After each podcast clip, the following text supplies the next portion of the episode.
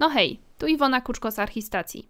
Witam Was w 17 odcinku mojego podcastu, w którym gadam na luzie o architekturze wnętrz i o tym, jak zaprojektować otoczenie, by dobrze nam się żyło.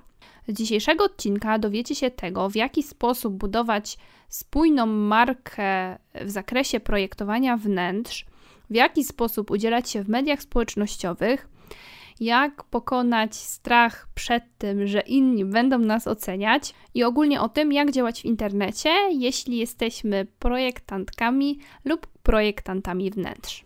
Zapraszam do wysłuchania tej audycji. Dziś mam przyjemność porozmawiać z Dominiką Skrzypek z Interieri.pl, która pomaga kreatywnym kobiecym biznesom tworzyć strategie, prowadzić kampanie reklamowe oraz planować działania w mediach społecznościowych. W ramach Interieri.pl wspiera firmy z branży projektowania wnętrz oraz małe biznesy. Dominika, witam Cię bardzo serdecznie i dziękuję, że przyjęłaś zaproszenie do rozmowy. Cześć Iwona, bardzo dziękuję za zaproszenie.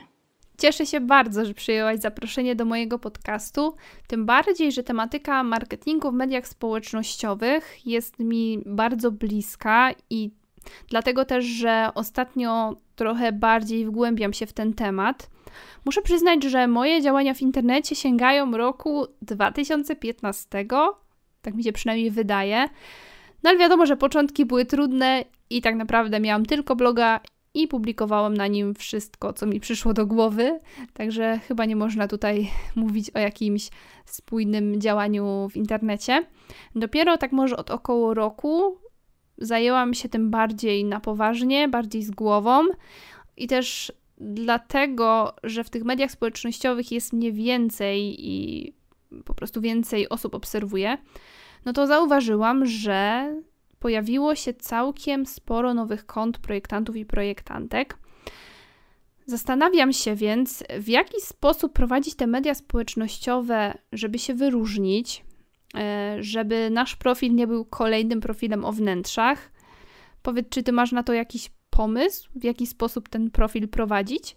E, no to prawda, właściwie ja też każdego miesiąca widzę, widzę nowe konta projektantów i architektów i e, to Twoje pytanie jak najbardziej jest zasadne i, i często też takie pytanie dostaję.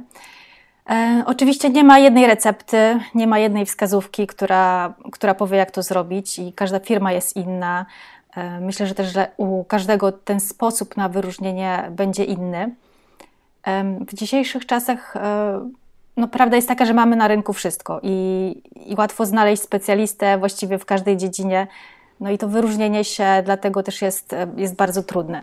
Ale e, myślę, że powiem Ci o kilku takich kluczowych e, rzeczach, które z mojej perspektywy możesz zrobić, aby budować taką markę, która się wyróżni. Mhm. Oczywiście nie są to żadne jakieś marketingowe triki czy, czy magiczne sztuczki. E, tylko tak naprawdę mm, ciężka praca i myślę, że tutaj to niektórych e, zmartwi, bo e, wszyscy chcielibyśmy, chcielibyśmy jakieś szybkie efekty, a myślę, że bardzo ciężko je osiągnąć w, w dzisiejszych czasach, w szybkim czasie. I taką pierwszą rzeczą, którą możesz zrobić, to myślę, że zastanowić się w ogóle, w czym jesteś naprawdę dobra, jaki aspekt na przykład projektowania jest dla Ciebie najciekawszy, w czym czujesz się najmocniejsza. Może to być um, również coś, co na przykład Cię inspiruje, co, co jest takim Twoim konikiem, na przykład um, ekologia czy, czy kolory i skupić e, swoje działania marketingowe właśnie wokół tego tematu. Mhm. Um, oczywiście musisz również pomyśleć, w jaki sposób, w jaki sposób to przekażesz bo im bardziej e, taka interaktywna, im ciekawsza forma przekazu, tym też większa szansa, że Twoi odbiorcy będą chcieli do Ciebie wracać, tak? I e, będą nie tylko śledzić Twój profil, ale też e, no, sami się angażować.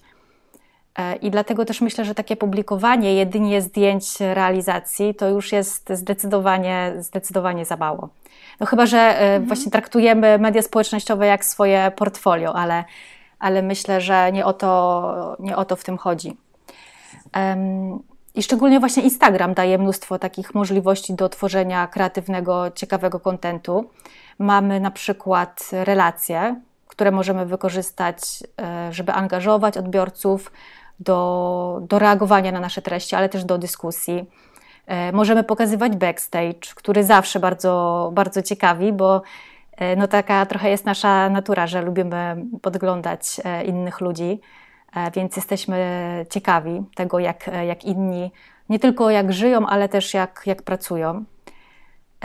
To, co na pewno warto robić i do czego zawsze zachęcam swoich klientów, to właśnie pokazywanie siebie, pokazywanie tego, kim jesteśmy, e, pokazywanie swojej osobowości. I z mojej perspektywy jest to bardzo ważne, szczególnie w branży projektowania, e, żeby klient miał okazję poznać nas, zanim jeszcze umówi się na to pierwsze spotkanie. I żeby była już taka weryfikacja, czy właściwie nadajemy na podobnych falach. Ja ci tu trochę wtrącę, bo chciałam nawiązać do tego, co powiedziałaś. Zgadzam się z Tobą w 100%. I ja też widzę, że osoby, które zgłaszają się do mnie i które wcześniej, nie wiem, odwiedziły mój profil w social mediach, albo czytały mojego bloga, albo słuchały podcastu, no to ta współpraca zupełnie inaczej wygląda. Yy, po prostu przebiega dużo sprawniej, yy, w dużo lepszej atmosferze, więc myślę, że to jest naprawdę ważne. No dokładnie tak, tym bardziej, że no przecież to nie jest tak, że jesteśmy w stanie dogadać się ze wszystkimi. Tak więc taka pierwsza weryfikacja, jeżeli klient stwierdzi, że no to jest z kimś, ktoś, z kim mogłabym, z kim mógłbym porozmawiać, z kim, kto, komu chciałbym w ogóle przekazać jakby y, bardzo dużą sumę swoich, y, swoich zarobków chociażby, tak? I mhm. na pewno musi być to też ktoś, komu klient jest w stanie zaufać, bo wiemy, jak wyglądają współprace w momencie, kiedy klient ci nie ufa, kiedy podważa Twoją każdą decyzję. No, myślę, że to jest e, koszmar dla każdego, nie tylko dla, dla projektanta, więc e, takie pokazanie e, w mediach społecznościowych tego właśnie, jak, jak się wypowiadamy, jak my pracujemy, też jak wyglądamy, bo oczywiście również ma to jakieś znaczenie, to jest bardzo duże ułatwienie i dla nas, i dla klienta. E, więc może też powiem Ci e, o jeszcze innych rzeczach, które z mojej perspektywy e, można robić, mhm. żeby właśnie postarać się wyróżnić z tego, z tego tłumu innych projektantów. Myślę, że mm, kolejną taką rzeczą może być używanie kanałów marketingowych czy narzędzi, które są nowe albo takie, takich, z których jeszcze e, nie korzystają masowo konkurenci. Mhm. I właśnie e, tutaj moim zdaniem dobrym przykładem jest, są podcasty, które chociaż, chociażby tworzysz Ty Iwona, które w branży projektowania wnętrz, tak mi się wydaje, nie wiem jakie Ty masz zdanie na ten temat, no nie są takim kanałem oczywistym tak, dla branży i być może e, dlatego też nie jest tak bardzo wykorzystywany przez, przez innych projektantów. Ale mhm. jak się okazuje można, można również go e, stosować w, w branży projektowania. Mhm. Powiem Ci tak, e, ja ogólnie bardzo lubię słuchać podcastów, już od dłuższego czasu, nie wiem, od roku, dwóch właśnie tych podcastów regularnie słucham. No i tak pomyślałam, że fajnie byłoby mieć swój podcast. No i oczywiście, co zrobiłam? Sprawdziłam, czy takie podcasty są na rynku, e, czy inni mhm. projektanci właśnie takie rzeczy nagrywają i o czym w ogóle można w takim podcaście o projektowaniu wnętrz mówić. No i tak naprawdę nie znalazłam praktycznie żadnej takiej audycji. No więc yy, tak stwierdziłam, że albo nie ma takiego zapotrzebowania, no albo po prostu jest to w tej branży projektowania takie względnie nowe.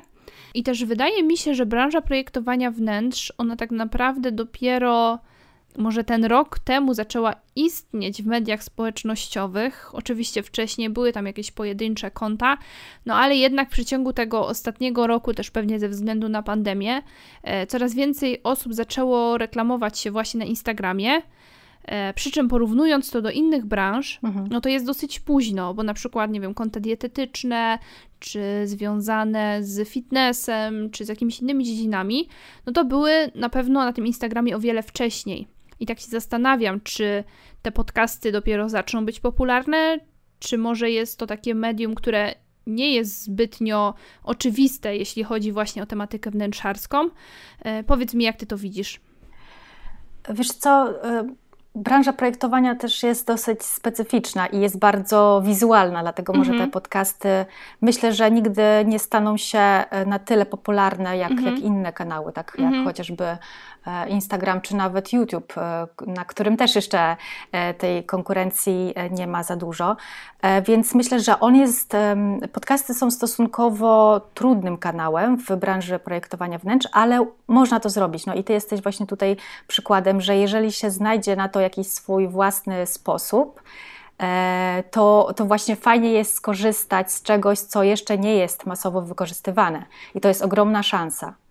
Więc e, fajnie tutaj jest, e, jest kombinować, po prostu patrzeć na, na nowe rzeczy i obserwować rynek, tak? Nie tylko swoją branżę, ale w ogóle patrzeć, co się dzieje na, na rynku mediów społecznościowych ogólnie. Ja muszę przyznać, że założyłam ten podcast z myślą o tym, by wiedza tutaj była na maksa uporządkowana, więc staram się, by te solowe odcinki były napakowane wiedzą i by nie było tam jakichś zbędnych informacji. E, ale też nie ukrywam, że bardzo chciałam nagrywać takie odcinki trochę bardziej luźne, które też od czasu do czasu się pojawiają. No i oczywiście rozmowy. Na tych rozmowach chyba zależało mi najbardziej, bo uważam, że w innych branżach występowanie w podcaście jest bardzo popularne, jest normalne e, i na porządku dziennym. Natomiast w dziedzinie projektowania wnętrz e, jest to, jak już powiedziałam, względnie nowe, a uważam, że osoby związane z wnętrzami, czy to projektantki, projektanci wnętrz, czy osoby, które y, w jakiś inny sposób są z tą dziedziną powiązane, mają bardzo wiele do powiedzenia i bardzo bym chciała, żeby inne osoby też się o tym dowiedziały. No i właśnie też e, wydaje mi się tutaj, też nawiązując właśnie do tych podcastów, że fajnie jest patrzeć na to, co się dzieje właśnie w technologiach, ale też próbować znaleźć jakieś kreatywne pomysły, e, z czym moim zdaniem projektantom wnętrz nie powinno być e, trudno, bo, bo jednak jesteście bardzo kreatywnymi e, ludźmi, którzy mają mnóstwo pomysłów, więc takie właśnie mm, szukanie sobie jakichś tak zwanych benchmarków, tak? czyli patrzenie na, na firmy, na marki, które są poza naszą branżą, ale które robią, które robią fajne rzeczy i e, spróbowanie przeniesienia tego do, do własnego biznesu. Myślę, że to jest e, świetny sposób. E, dla mnie, na przykład, taką marką, którą ja śledzę, mhm. która no, nie jest tak stricte związana z marketingiem, jest kobieca fotoszkoła mhm. Dominiki Dzikowskiej.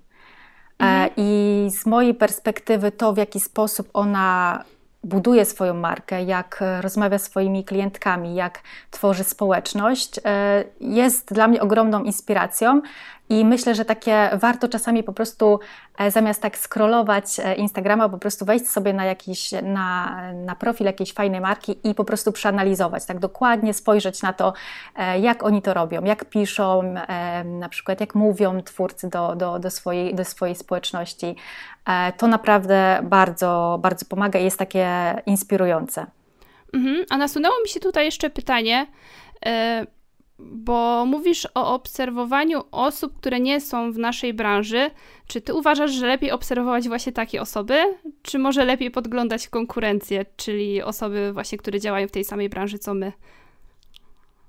Wiesz co, wydaje mi się, że tutaj są zupełnie dwa różne cele. Jeżeli obserwujesz konkurencję, to myślę, że bardziej pod takim względem, e, pod względem oferty, pod względem mhm. tego, co oni nowego wprowadzają do, do, swojego, e, do, swojego, do swojej oferty i też, no, żeby po prostu nie stać w miejscu, tak? bo jeżeli jakaś, jakaś nowa rzecz się pojawia i nasza konkurencja zaczyna, zaczyna coś robić, no to warto się zastanowić, czy to na przykład dla klienta nie będzie ważne tak w momencie, kiedy będzie porównywał dane, mhm. daną ofertę.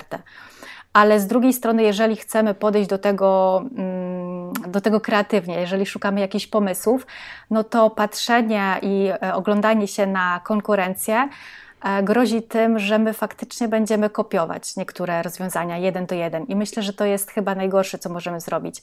I też powiem szczerze, trochę to obserwuję, nie tylko w branży projektowania, ale obserwując różne marki że patrzymy właśnie na konkurencję, widzimy, że coś u nich działa, że społeczność się angażuje, tak? Myślimy, że oczywiście nie jesteśmy tego w stanie sprawdzić, ale myślimy, że to też wpływa na, na sukces tej, tej firmy i właśnie zaczynamy kopiować te same rozwiązania.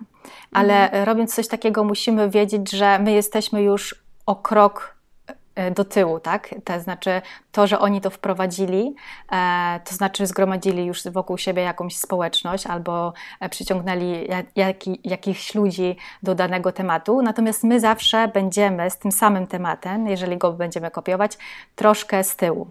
Więc myślę, że tutaj lepiej po prostu szukać własnych sposobów na, na wyróżnienie się, na, na budowanie tej społeczności.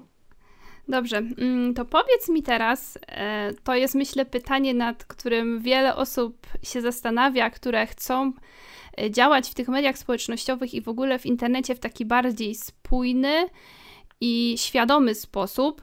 E, jak budować taką spójną komunikację, by docierać do odpowiednich klientów?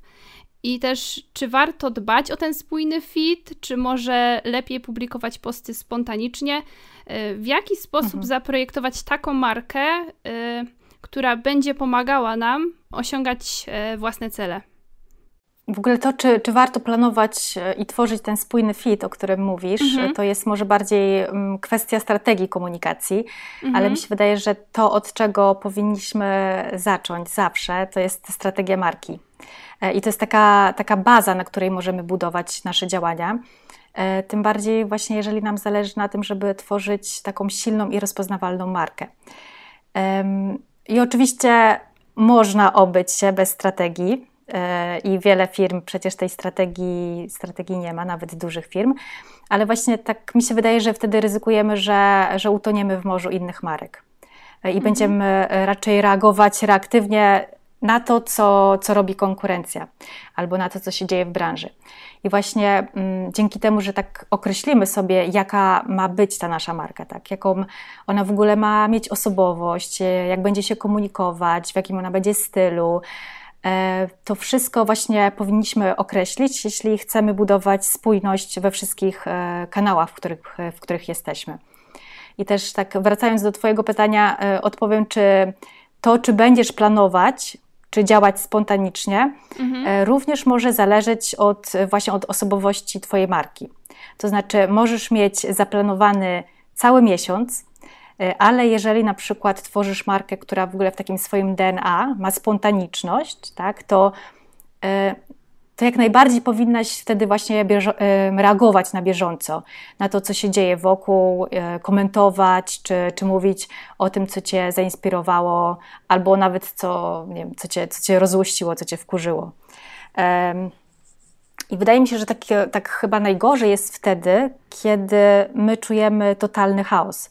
Znaczy, wiem, że tak wiele osób ma, bo często o tym rozmawiam na konsultacjach, że przedsiębiorcy gubią się w tych wszystkich działaniach, tak, że nie wiedzą do końca, gdzie mają być, po co mają tam być, do kogo mają mówić, co mają mówić.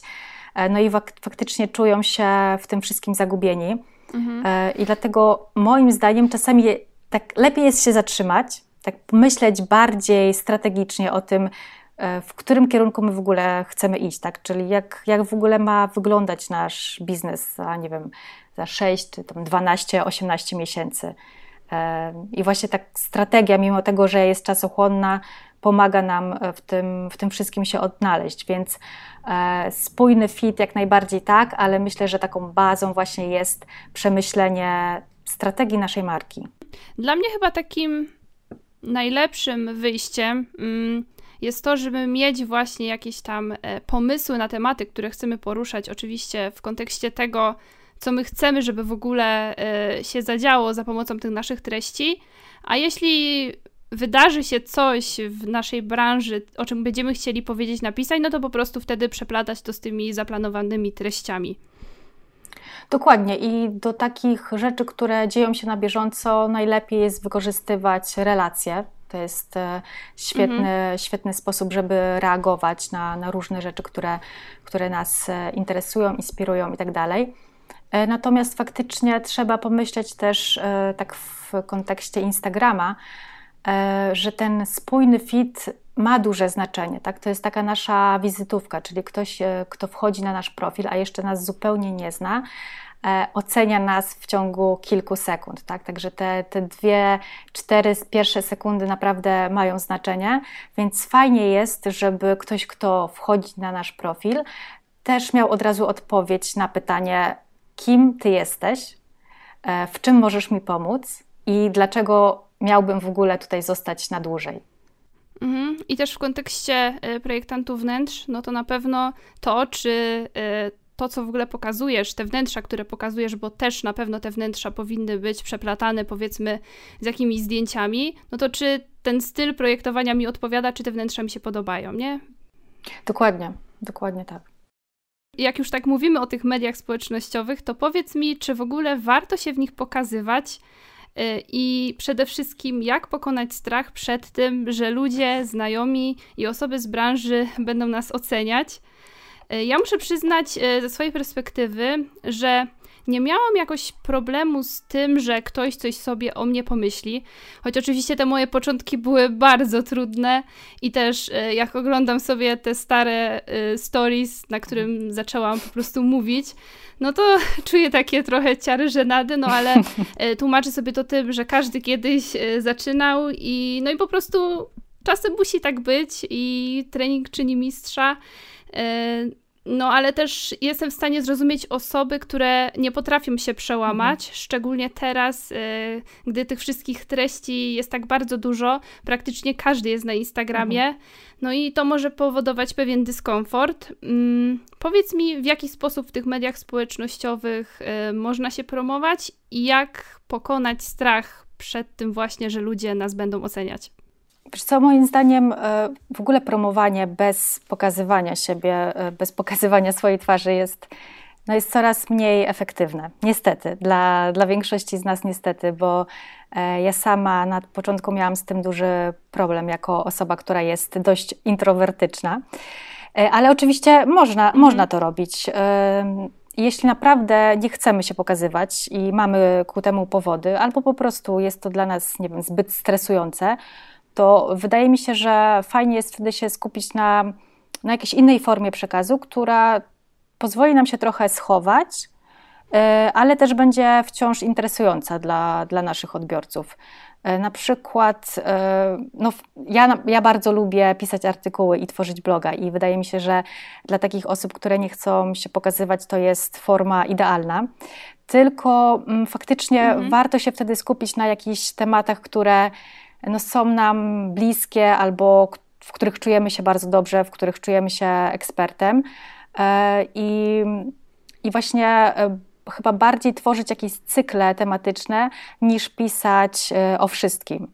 Czyli na przykład, jeżeli ktoś e, interesuje się ekologią, czy, czy jakimiś e, nowinkami technologicznymi, tak, które też można zastosować nie wiem, w branży projektowania, to fajnie by było właśnie wypromować się jako ekspert trochę w, w danym temacie, tak? Czyli żeby być takim numerem mhm. jeden, do której, numerem jeden, do którego się klienci będą akurat zgłaszać z danym, z danym tematem.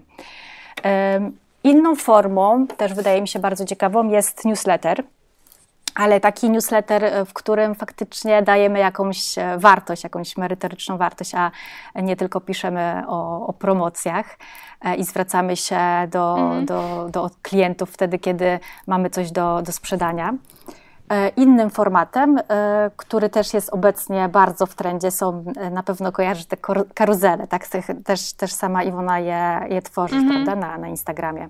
Tak, tak. I ten, te karuzele to jest, czyli może też wyjaśnimy, że to jest ten format posta, w którym udostępniamy kilka grafik lub, lub zdjęć, tak? I one są teraz bardzo, bardzo modne i wydaje mi się, że fajnie jest przekazywać e, w nich informacje merytoryczne, ale wydaje mi się też, że ten trend się niedługo skończy, że to nie będzie trwało długo i że trochę będziemy już w pewnym momencie e, czuć się przesyceni, bo, no bo powiedzmy sobie szczerze, wszyscy teraz robią karuzelę. E, I, i No właśnie, tym bardziej, że to jest teraz tak bardzo popularne tak. i praktycznie osoby z każdej branży tak. karuzele tworzą. Także no, masz, masz rację. Tak, no i to są właśnie takie trendy, które e, pojawiają się i przemijają. Tak? W momencie, kiedy już mamy e, przesyt czegoś, to, to pojawia się kolejna rzecz. E, dlatego też tak waż, ważne jest, żeby po prostu śledzić na bieżąco to, co się dzieje i szczególnie śledzić takie konta, gdzie widzimy, że ktoś bardzo szybko reaguje. Więc Wydaje mi mhm. się, że, że tutaj jakieś patrzenie na konta zagraniczne, szczególnie ze Stanów, kiedy do nich przychodzą te, te nowości szybciej, e, jest takim fajnym sposobem, żeby wprowadzić coś do swojej, e, do, do swojej marki tak e, szybciej niż jakaś polska konkurencja. Tak? Więc to na pewno jest fajny sposób. Mhm. Ale jeszcze tak wracając do tego właśnie pokazywania, mm, pokazywania siebie, bo wydaje mi się, że no, nawet nie, nie to, że mi się wydaje, to jest po prostu e, na pewno udowodnione, że, że to jest blokada w, w, naszej jakiejś głowie, także e, my się nie chcemy pokazywać, że boimy się krytyki i e, to jest e, też takie najbardziej zastanawiające, dlaczego boimy się krytyki właśnie chyba najbliższych, albo jakichś swoich znajomych, albo tego, co co powiedzą konkurenci, tak, czy powiedzą na przykład koleżanki po, po fachu. E, ja mogę też powiedzieć, jak to, mhm. było, e, jak to było u mnie, bo e, sama jestem właśnie dość introwertyczna i jakiś czas temu w ogóle nie wyobrażałam sobie, żebym mogła usiąść przed kamerką i, i po prostu zacząć coś mówić i dzielić się wiedzą i mówić o sobie i, i o swojej pracy. Teraz nie mam z tym większego problemu. E, chociaż są oczywiście jakieś rzeczy, które mnie bardzo stresują, e, tylko że właśnie ja zdaję sobie z tego sprawę, że to jest wszystko, wszystko w mojej głowie i to jest do wyćwiczenia. Tak? Także, tak jak mówisz, no, praktyka mhm. jest najważniejsza. E, ale to, co mogłabym polecić takiej osobie, która boi się pokazywać, która, która tak naprawdę chciałaby to robić, ale gdzieś właśnie coś ją, coś ją blokuje, to właśnie stosowanie metody takich małych kroków. Tak? Czyli to, co warto zrobić, to um, zacząć od tego, że publikujemy e, swoje zdjęcie i piszemy um, kilka słów o sobie i w ogóle uswajamy się od razu z tym, mhm. że wystawiamy się na jakąś ocenę. Um, następnie możemy robić właśnie krótkie relacje na Instagramie, w których będziemy na przykład pokazywać jakąś przestrzeń, nie pokazując siebie, tak? Czyli będziemy tylko użyczać swojego głosu. E, I to pomoże nam e, oswoić się z dźwiękiem swojego głosu, co wiem, że też jest dla niektórych bardzo mhm. trudne, bo e, nasz głos brzmi no, zupełnie inaczej, tak, niż nagrany, niż tak jak my go słyszymy na co dzień. Takim kolejnym krokiem Moim zdaniem byłoby nagrywanie krótkich, takich nawet, nie wiem, 15-30 sekundowych e, relacji, w których e, opowiemy coś o sobie. E, ja na przykład swoje pierwsze relacje, które trwały, nie wiem, 30 czy tam 45 sekund, nagrywałam przynajmniej 15-20 razy, więc to było naprawdę ciągła, ciągła powtórka i ciągle byłam niezadowolona. E, dlatego też tak myślę, że no po prostu nie można się zniechęcać tak, na początku i, i że to w ogóle nie wychodzi, bo większość z nas będzie miała takie wrażenie, że gada totalne głupoty, e, no i myślę, że to jest tak naj, jak najbardziej normalne. No i żeby w mhm. ogóle zacząć e, robić te małe kroki, to, to przede wszystkim wydaje mi się, że trzeba pokonać te, te blokady, które są w naszej głowie i chyba to jest najtrudniejsze. Nie wiem, jak ty to, ty to widzisz, Iwona, ale um, wszyscy obawiamy się tego, tej oceny, hejtu, e, ale wydaje mi się, że jeżeli w coś wierzymy, jeżeli chcemy dzielić się tym, co wiemy i jeżeli zależy nam faktycznie na tym, żeby budować społeczność, czy, czy nie wiem, rozpoznawalną markę, no to warto popracować nad tymi swoimi przekonaniami. E, I najbardziej chyba boimy się właśnie tej opinii najbliższych osób, nie wiem, znajomych, konkurencji. Mhm. Ja się zgadzam z Tobą w 100%, bo ja robiłam dokładnie tak samo. E, na początku publikowałam swoje zdjęcia i po prostu pisałam tam albo mhm. coś o sobie, albo o, czym się zajmuję, nad czym aktualnie pracuję, no różne takie rzeczy. Później właśnie nagrywałam otoczenie i e, no i oswajałam się ze swoim głosem. no a dopiero później nagrywałam swoją twarz i też mi bardzo pomogło to, że gdy nagrywałam Insta Stories, no to miałam jakiś temat przewodni. Stwierdziłam, że dzisiaj chcę powiedzieć na przykład, nie wiem, o płytkach imitujących beton, na przykład, tak?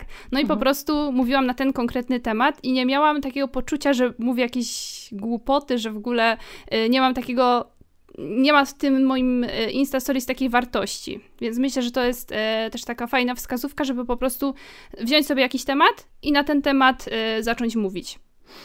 To dokładnie, bo na pewno są takie osoby, które lubią skakać na głęboką wodę i nie wiem, może od razu zaczną robić live'y, które moim zdaniem są mhm. bardzo wymagające i bardzo trudne, ale wydaje mi się, tak, że tak. dla większości z nas taka metoda małych kroków no, będzie będzie łatwiejsza i też się nie zniechęcimy, bo wiem, że jest e, gro takich osób, które e, właśnie rzuciły się na głęboką wodę i zaczęły robić, tam zrobiły pierwszego, drugiego live'a i właściwie tam nikt nie przyszedł, one się czuły zestresowane e, i w pewnym momencie się po prostu zablokowały i stwierdziły, że to, że to nie jest dla nich, tak, więc no Wiem, że, że jest też dużo takich, e, takich osób, które zachęcają do tego, żeby po prostu robić live'y, bo, no bo to e, faktycznie buduje społeczność, e, ale ja jestem troszkę innego zdania. Tak? Większość z nas jednak ma gdzieś te, te blokady, to przecież nie jest naturalne, że siadamy po prostu przed kamerką i zaczynamy mówić do, e, do ludzi, których, których nie widzimy, więc e, takie małe kroczki moim zdaniem są, są super metodą. Mm, do, dokładnie tak. I też mi pomaga trochę takie myślenie, że co w sumie najgorszego może się stać? Jak, nie wiem, powiem jakąś głupotę, no to najwyżej mogę to usunąć. Poza tym za 24 godziny to tak naprawdę zniknie, więc y, to też nie jest jakaś wielka tragedia, to w internecie nie zostaje. Y, więc y, myślę, że nie ma się czego obawiać. No i tak jak mówisz, metoda małych kroczków, myślę, że tu na pewno zadziała. Mhm. No i wyda wydaje mi się, że właśnie fajne jest to, co mówisz, e, ale też w ogóle pomyślenie. Mm, co właśnie, po pierwsze, co się stanie, jeżeli, nie wiem, nawet powiem coś źle, czy, czy ktoś mnie skrytykuje, czy, nie wiem, ktoś mnie zhejtuje, chociaż wydaje mi się, że jeżeli chodzi e, o hejt, to, to on w, tak aż często nie występuje, przynajmniej ja się z nim nigdy nie, nie spotkałam tak osobiście, ale też sobie zawsze myślę to, że mm, jeżeli ktoś mnie skrytykuje za to, co mówię, no to to jest być może dla mnie jakaś wskazówka, że, że mogę coś poprawić albo mogę powiedzieć coś w jakiś inny sposób, czy, czy bardziej dokładnie. E, a jeżeli ktoś e, e, ktoś jakby, nie wiem, hejtuje albo mnie obraża, to, to sobie zawsze myślę, że no, że gdzieś ten problem chyba jest jednak po, po drugiej stronie, bo też nie wyobrażam sobie, żeby ktoś, kto jest zadowolony ze swojego życia czy, czy ze swojej pracy, miałby w ogóle taką potrzebę, żeby kogoś krytykować czy, czy hejtować. Więc ja zawsze staram się spojrzeć na tę osobę przychylnym okiem. No i pomyśleć, że no, czasami jest to po prostu jakaś frustracja z drugiej strony, na którą ja nie mam wpływu i, i nie chcę, żeby mnie ona blokowała przed, um, przed właśnie pokazywaniem się, przed dzieleniem się wiedzą, bo, bo po prostu też sobie robię taki um, rachunek um, zysków i strat, tak? co, co mogę mhm. zyskać e, dzięki temu, że, że będę to robiła i będę e, się wystawiała na ocenę, a co mogę stracić, jeżeli właśnie się zablokuję i, i przestanę to robić. Mhm, dokładnie tak. Mi się w ogóle wydaje, że nie wiem, czy tylko polska mentalność taka jest, ale że jeśli dostaniemy 100 komentarzy i 99 będzie pozytywnych, a jeden negatywny, tak. to się będziemy na tym negatywnym skupiać. No i to jest tak, jak mówisz, to trzeba sobie przepracować, no i po prostu stwierdzić, że mogą się te negatywne komentarze pojawić, no i jeśli będzie to konstruktywna krytyka, no to to też jest dla nas dobre, bo my możemy coś poprawić, coś ulepszyć. No a jeśli będzie to typowy hejt, no to trudno, blokujemy tą osobę, no i, no i tyle, tak? No i działamy dalej. Dokładnie, mi się wydaje, że to jest takie bardzo, bardzo ludzkie, że po prostu się skupiamy e, na tym, co coś negatywnego usłyszeliśmy o sobie, czy, czy przeczytaliśmy. E, no najważniejsze, żeby po prostu nas to nie blokowało. Po prostu trzeba, trzeba robić swoje, myślę, i no, iść dalej. Mhm. A powiedz mi teraz tak, bo mówisz o tym, że warto udzielać się w mediach społecznościowych, warto nagrywać relacje, e, pisać artykuły na bloga, newslettery i inne takie rzeczy. E, I tak się zastanawiam, jak to zrobić, żeby w tym wszystkim się nie zatracić, żeby nie żyć tylko tak naprawdę w internecie. Czy w ogóle ważne jest to, żeby publikować codziennie, czy można y, jakąś inną taką regularność sobie wypracować? Jak ty na to patrzysz? Wiesz co, no to, to zależy. Bo jeżeli chcemy, mhm. żeby algorytm Facebooka czy, czy Instagrama no, faktycznie nas e, nagradzał zasięgami, no to no, prawda jest taka, że powinniśmy tworzyć regularnie. Tak? Ta regularność jest jednak bardzo ważna. Mhm. I też właśnie obserwując profile różnych twórców, głównie ze Stanów, oni często mówią o tym, żeby, żeby publikować dwa, trzy razy w tygodniu zdjęcie na, na feed, e, no i codziennie mhm. publikować jakieś relacje ale wiadomo, mhm. że to jest jakaś sytuacja idealna, a życie życiem, tak? No jednak trzeba jeszcze um, robić um, w, waszym, w waszym wypadku projekty, trzeba, trzeba zarabiać, więc oczywiście to nie jest tak, że my musimy teraz e, spędzać po prostu e, kilka godzin dziennie w mediach społecznościowych. Um, wydaje mi się, że że właśnie trzeba zadbać na pewno o regularność, ale też um, wybrać sobie jeden kanał główny, w którym będziemy faktycznie czuć się dobrze, w którym będziemy publikować najwięcej i wybrać sobie na przykład jeszcze jeden kanał dodatkowy, tak? Czy, czy to jest Facebook, czy to jest e, newsletter, czy może właśnie, tak jak w Twoim wypadku, to jest podcast. E, takie mhm. E, skupienie się właśnie na jednym, na jednym kanale, ale jeszcze docieranie do jakby dodatkowej grupy odbiorców przez inny kan kanał wydaje mi się takim tutaj zdroworozsądkowym podejściem. E, ale też chcę e, właśnie powiedzieć o, o jednej rzeczy, bo e, często poruszam ten temat na, na konsultacjach.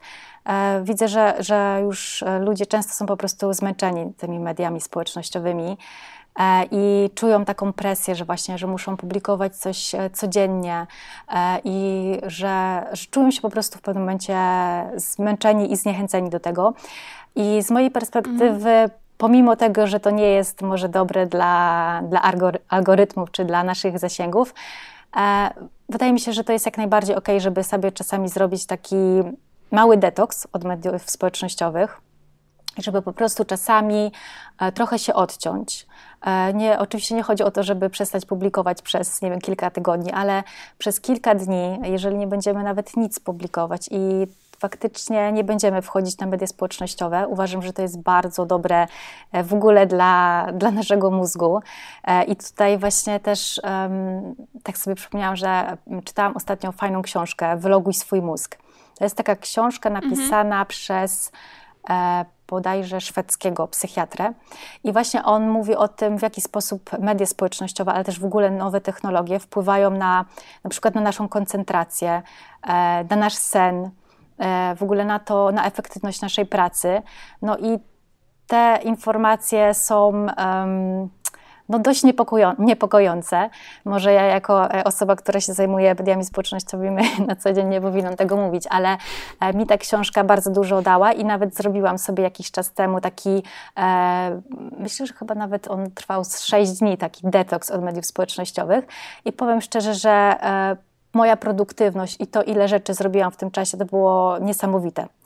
E, więc e, myślę, że, że oczywiście jakby dbajmy o to, żeby publikować regularnie, ale jeżeli czujemy, że chcemy sobie zrobić jakiś detoks, chcemy troszkę odpocząć, to moim zdaniem jak najbardziej e, mamy do tego prawo i, i to jest, to jest okej. Okay. Mm, to trochę mnie uspokoiłaś, bo muszę przyznać, że z tym dodawaniem postów to nie mam jakiegoś większego problemu i faktycznie te dwa, trzy posty co tydzień e, dodaję. Są to przede wszystkim albo projekty, albo jakieś zdjęcia, albo właśnie te karuzele.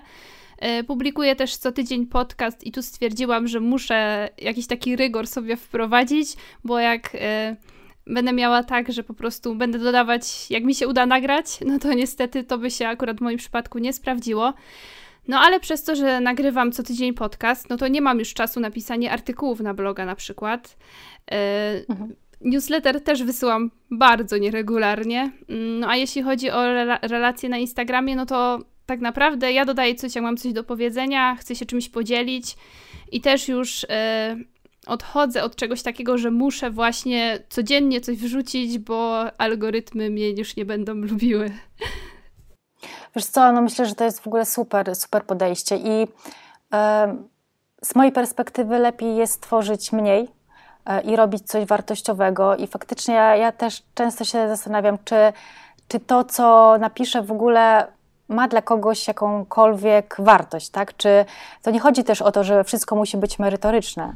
E, czasami um, chodzi bardziej o to, żeby kogoś, nie wiem, zainspirować albo e, rozśmieszyć, tak? Czy, mhm. czy na mhm. przykład pokazać jakąś, jakąś rzecz, która, o której słyszeliśmy, ale która nas na przykład, nie wiem, wkurzyła. E, więc to nie chodzi o to, żeby dzielić się tylko wiedzą i tworzyć bardzo merytoryczne i eksperckie posty, ale żeby faktycznie coś za tym stało, tak? Żeby to nie było takie, że ok, no publikuję już po prostu cokolwiek, żeby tylko, żeby tylko wrzucić. No bo z mojej perspektywy nie ma to już większego sensu. Mhm. Czyli uważasz, że y, budując markę, my nie musimy tylko poruszać tematów związanych z naszą branżą? To znaczy, y, na pewno warto się zastanowić, y, na jakich tematach chcemy się skupiać, żeby to nie mhm. było tak, że, y, że poruszamy wszystkie, wszystkie tematy mhm. i cokolwiek po prostu wpadnie nam do, do głowy, czy coś przeczytamy, to od, od razu dokumentujemy to, to też musi wynikać e, trochę właśnie ze strategii naszej marki, z tego, e, jaką my chcemy markę budować, jaka, jaka ona ma być, e, w jakim stylu ona ma się komunikować. Także to właśnie tutaj wszystko też się właśnie sprowadza do tego, żeby troszkę um, czasami przystopować, usiąść i się zastanowić, jak my chcemy tą markę budować i z tego, na podstawie tego mogą wyniknąć tematy, które są dla nas na przykład ważne, które nas jakoś poruszają i jak najbardziej uważam, że, że można te treści takie typowo branżowe przeplatać z czymś czymś, co, co dla nas na przykład osobiście jest równie ważne i, które, i co ma wartość dla osób, które nas e, obserwują. Chciałabym teraz z Tobą porozmawiać o reklamach, o płatnych reklamach na Instagramie, na Facebooku, bo zastanawiam się, czy to jest dobry sposób na to, by w jakiś sposób się wypromować, by dotrzeć do szerszej liczby odbiorców. E, no szczególnie, że teraz właśnie tych wszystkich profili e, wnętrzarskich, no i w zasadzie z każdej branży jest naprawdę mnóstwo, więc mhm. e, może trudno jest tak organicznie dotrzeć do nowych klientów, do nowych osób, które zechciałyby nas obserwować. Powiedz mi, czy te reklamy w ogóle, czy warto w nie zainwestować, czy jest to dobry sposób na to, by tych e, odbiorców było więcej? Wszystko zależy od tego, e, jaki mamy cel i jaki mamy budżet. E, I może powiem Ci o kilku rzeczy, rzeczach, które wpływają na to, czy, czy w ogóle reklama jest efektywna. I też sama właśnie mhm. zauważyłam, że, że faktycznie jest wielu architektów, którzy, którzy korzystają z płatnych promocji na Instagramie. Nie wiem na ile one są efektywne, ale faktycznie gdzieś tam e, scrollując e, swój, swój feed e, widzę tych reklam bardzo dużo. Mhm. No i to jest tak, że jeżeli korzystamy z ustawień, które są właśnie dostępne jakby bezpośrednio w aplikacji, tak, czyli mhm. bezpośrednio z poziomu Instagrama, no to jestem prawie że pewna, że te y, reklamy y, będą trafiać do bardzo przypadkowych osób. Y, bo te, mhm. te opcje, które są tam dostępne z, w samej aplikacji, nie dają za bardzo możliwości mm, sprecyzowania, do kogo my właściwie chcemy dotrzeć. Tak? Czyli Możemy w ustawieniach na przykład wybrać takie podstawowe e, zupełnie informacje, jak, e, jak płeć, jak, jak wiek, lokalizacja, jak zainteresowania grupy odbiorców. No ale to jest tak naprawdę tylko ułamek tych wszystkich opcji, e, które my mamy dostępne w menadżerze reklam, czyli w tym mhm. narzędziu dla, dla firm, w którym tworzymy kampanię na Instagrama i, i Facebooka. Um, i problem z tymi ustawieniami na Instagramie e, jest taki, że, e, że wybierając na przykład e, zainteresowania architektura wnętrz, docieramy do wszystkich osób, które kiedykolwiek polubiły jakieś zdjęcie, które przedstawiało wnętrze mieszkania. Tak? Czyli jest to mhm. bardzo nieprecyzyjne. A, natomiast jeżeli tworzymy reklamy w menadżerze reklam, to mamy dostęp do wielu narzędzi, które właśnie pozwolą nam bardziej e, sprecyzować to, do kogo my w ogóle chcemy docierać. Czyli na przykład, jeżeli chcemy wypromować e, jakąś usługę, e, albo zależy nam na tym, żeby podpromować jakąś kluczową treść, tak, bo spędziliśmy po prostu nad, nad nią bardzo dużo czasu i teraz chcemy, żeby, żeby osiągała jakieś duże zasięgi, to możemy docierać dzięki kampaniom remarketingowym do wszystkich osób, które na przykład e, były na naszej stronie albo e, które polubiły jakiś nasz wpis, albo które wysłały do nas e, wiadomość, więc tych opcji tam jest bardzo dużo.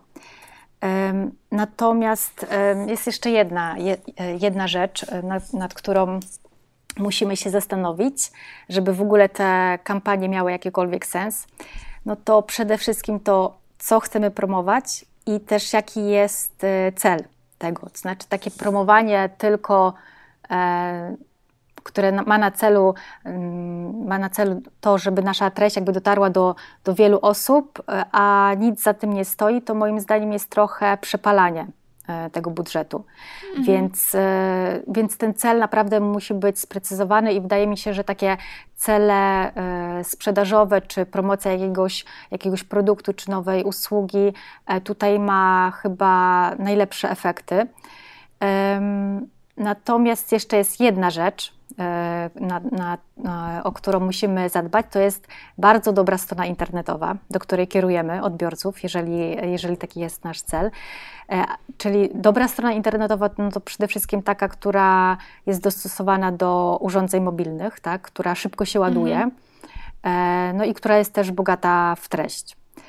E, a jeżeli chodzi mm, o budżet, bo mówiłam, że to też jest ważne, ile my faktycznie chcemy w ogóle przeznaczyć pieniędzy na, na te promocje, no to na przykład jeżeli promujemy jakiś wpis na Instagramie, E, to powinniśmy przeznaczyć na promocję z 8-10 zł dziennie minimum.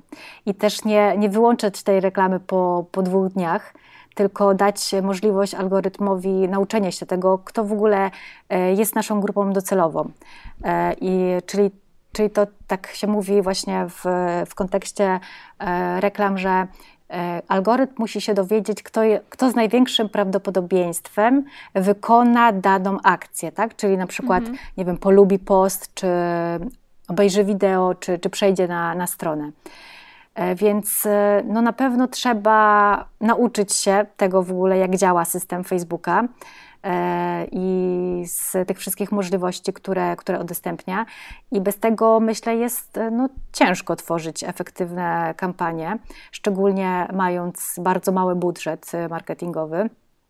Dlatego wydaje mi się, że na przykład jeżeli chcemy jakąś przeprowadzić y, jakąś akcję sprzedażową, to chyba lepiej zlecić to, to agencji albo freelancerowi, który jest y, wiadomo zawsze y, trochę tańszy niż, niż agencja, no i który się po prostu na tym zna i, i zajmie się tym profesjonalnie.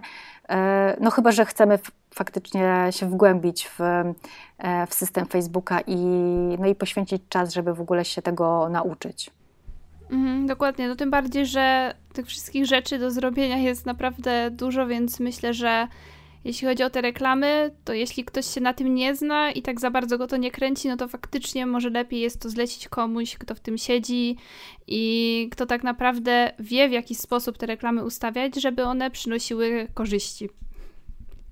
Tak, bo tam jest po prostu tyle rzeczy, które mogą pójść nie tak, tyle zmiennych i też e, ten system zmienia się bardzo szybko. Właściwie każdego miesiąca Facebook wprowadza jakieś nowe wytyczne, e, więc trzeba na bieżąco to śledzić, jeżeli no, nie chcemy po prostu przepalać tych pieniędzy. A wiem, że to się bardzo często dzieje, jeżeli kompletnie się na tym nie znamy i po prostu e, klikamy przycisk promu i, i myślimy, że no, z tego po prostu będą jakieś super efekty, a, a później jest tylko rozczarowanie. Mhm. A czy ty możesz mi powiedzieć, jakie reklamy najlepiej działają? W sensie, czy nie wiem, lepiej. E, lepiej ustawiać zdjęcia, wideo, może karuzele, jeśli ktoś chciałby zająć się tym samodzielnie. Czy możesz jakieś takie krótkie rady y, tutaj przedstawić?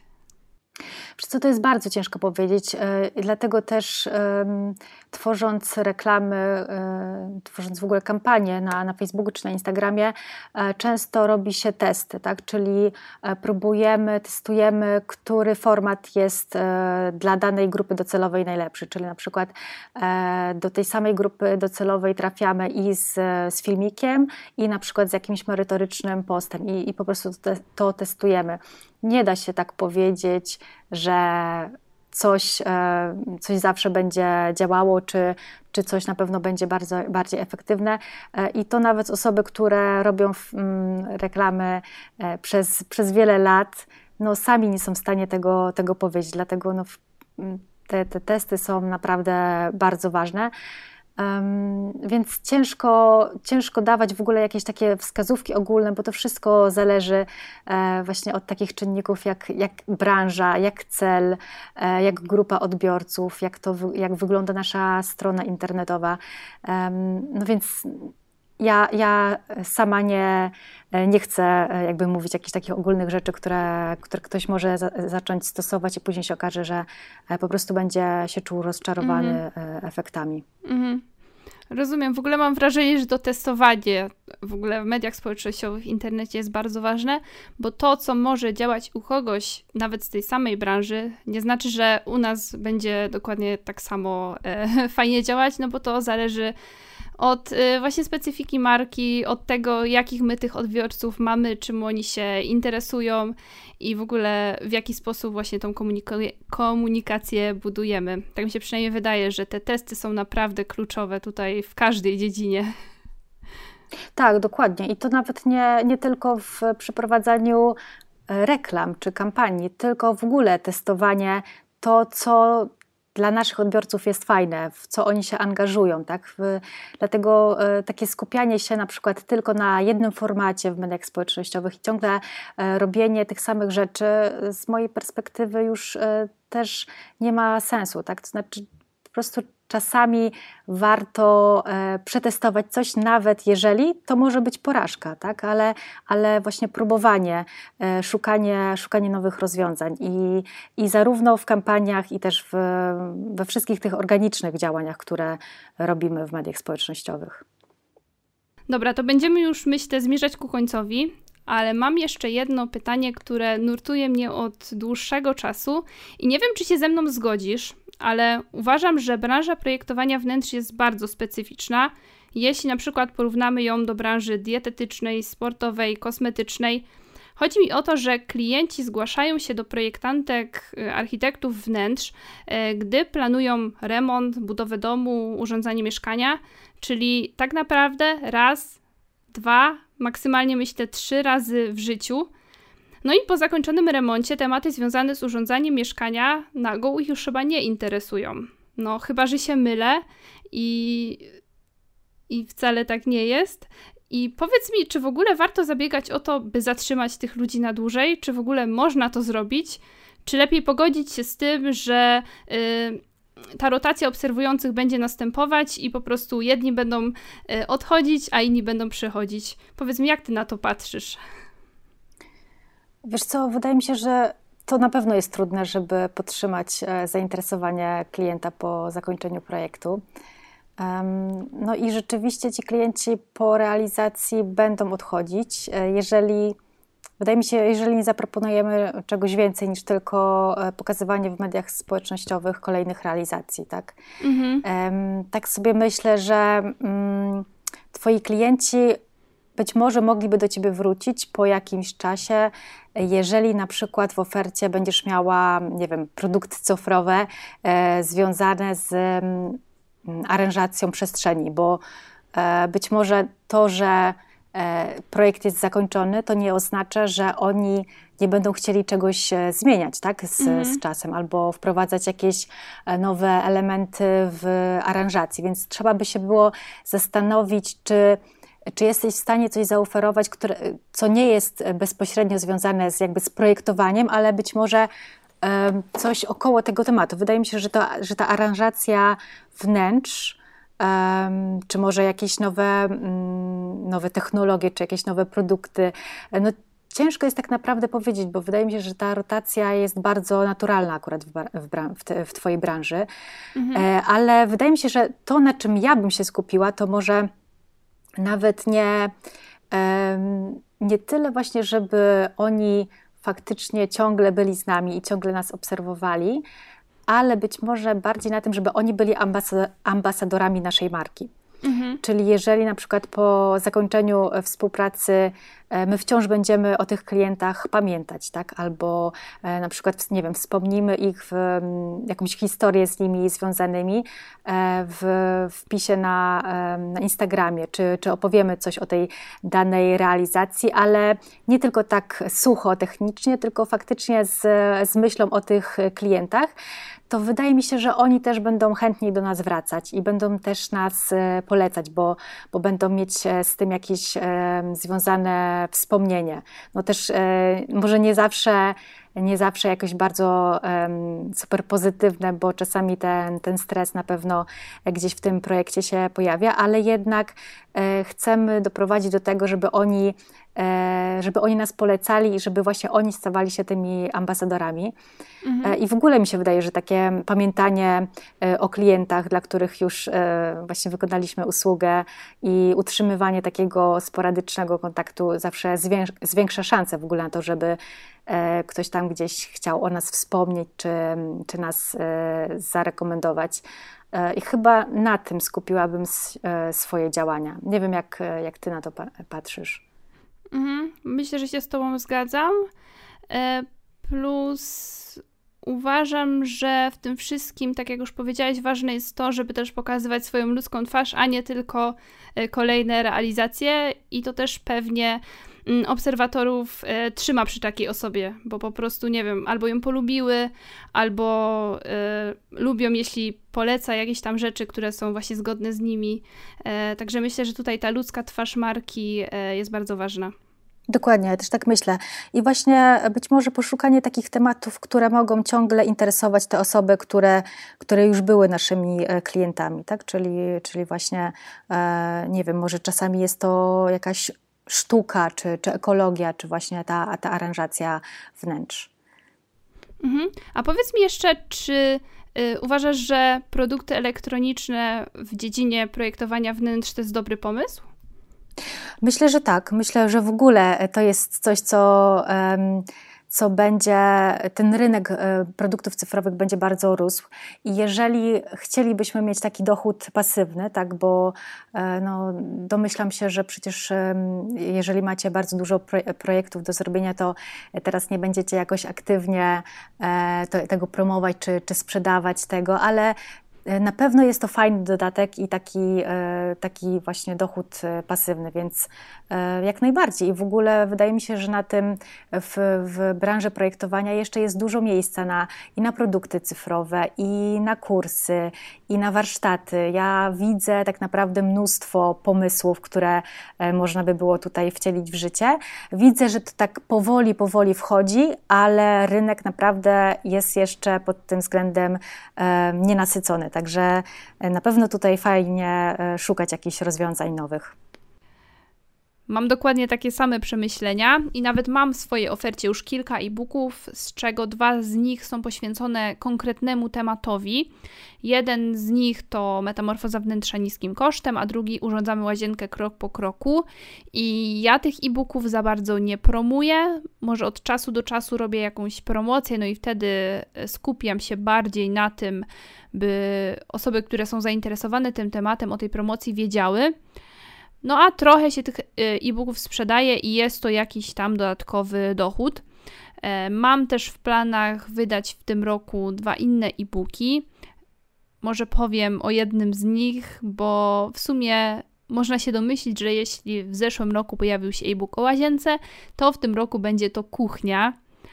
No ale niestety czasu mam dosyć mało i no i jeszcze kilka miesięcy na pewno zajmie mi jego stworzenie, no ale też e, podchodzę do tego w ten sposób, że lepiej pisać e-booka przez 6 miesięcy niż w ogóle go nie napisać. No dokładnie, dokładnie tak. I też wydaje mi się, że czasami sobie myślimy, że e, właściwie w internecie jest już, jest już e, wszystko i po co pisać jakiegoś kolejnego e-booka czy, czy robić kurs, e, skoro można znaleźć te materiały bezpłatnie.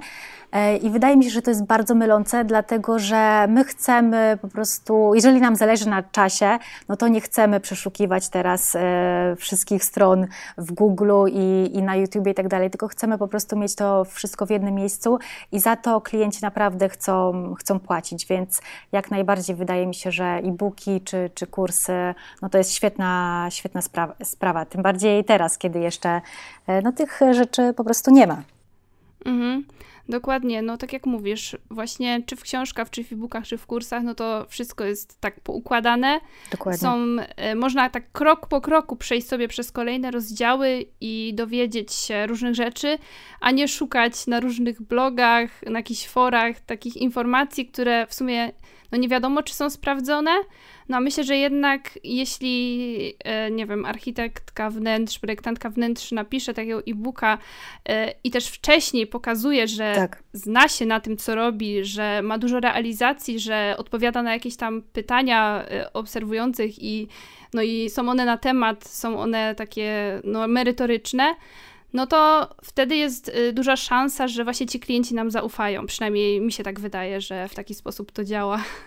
No zdecydowanie tak, tym bardziej, że no my jednak kupujemy od ludzi, tak i ten właśnie aspekt e, związany z tym od kogo, e, od kogo kupujemy też tutaj ma swoje, swoje znaczenie, więc jeżeli będziemy budować właśnie silną markę rozpoznawalną, no to też wiadomo, że e, ceny tych produktów mogą być droższe niż, e, nie wiem, jakiś e-book, który którego twórcy do końca nie znamy, e, o którym nic nie wiemy, tak? Więc e, no tutaj ten, ta właśnie Tutaj są te plusy zbudowania marki, która wzbudza, wzbudza zaufanie. Mhm, to może powiedz coś teraz o Twoim workbooku, który teraz jest w przedsprzedaży. E, tak, e, ostatnio napisałam workbooka, jest on jeszcze w, przedsprzedaży i to jest właśnie workbook, który powstał głównie z myślą o architektach i projektantach, e, ale również myślę, że, że sprawdzi się tutaj w, w, przypadku małych, kreatywnych marek. I to jest właśnie workbook, który pokazuje, jak krok po kroku budować strategię marki. Jest napisany w bardzo takim prostym języku, także tam nie ma żadnego E, branżowego, branżowego języka. E, I wydaje mi się, że jeżeli ktoś chciałby budować taką fajną markę, z którą, którą naprawdę klienci no, pokochają i też przyciągać odpowiednich klientów, bo to jest też bardzo ważne e, w Waszej branży, to, no to ja tam po prostu pokazałam to w najprostszy sposób, jaki się dało, ale też znajdziecie mnóstwo fajnych przykładów marek, takich małych polskich kreatywnych marek, także jak najbardziej bardziej zachęcam do tego, żeby wejść e, na moją stronę interiery.pl. E, no i, i, tam w zakładce sklep oczywiście znajdziecie e, workbooka. Jeszcze chciałabym Twoim słuchaczom podarować dodatkową zniżkę, czyli jeszcze od tej ceny promocyjnej, która jest do 8 kwietnia, chciałabym podarować 10% zniżki z kodem Archistacja. Dziękuję Ci Dominika za zniżkę. Ja na pewno skorzystam, a Was, drodzy słuchacze i słuchaczki, zachęcam do zapoznania się z ofertą Dominiki. Myślę, że ten workbook jest takim dobrym narzędziem ku temu, żeby e, poukładać sobie pewne kwestie, zbudować strategię, e, szczególnie w przypadku, gdy jesteśmy trochę zagubieni, e, działamy po omacku i chcemy właśnie, by, by te nasze działania w internecie były trochę bardziej świadome i bardziej poukładane. Super, dziękuję Ci bardzo. Na koniec powiedz jeszcze wszystkim, gdzie można znaleźć Cię w sieci. Myślę, że najlepiej e, znaleźć mnie na Instagramie, tam jestem najbardziej aktywna w ostatnim czasie. E, no i oczywiście zapraszam na mojego bloga, na stronę interiery.pl. No myślę, że to są takie dwa miejsca, które, w których jestem najbardziej aktywna. Bardzo Ci dziękuję za, za to, że przyjęłaś zaproszenie do rozmowy i że podzieliłaś się swoim doświadczeniem i przekazałaś mnóstwo wskazówek i inspiracji. Ja również bardzo Ci dziękuję za zaproszenie.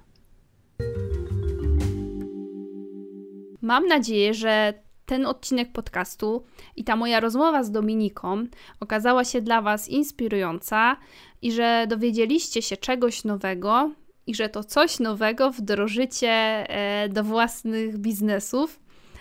E, to chyba tyle na dziś. E, za tydzień prawdopodobnie podcastu nie będzie, bo są święta, ale już teraz zapraszam Was na nowy odcinek, który ukaże się za dwa tygodnie w poniedziałek.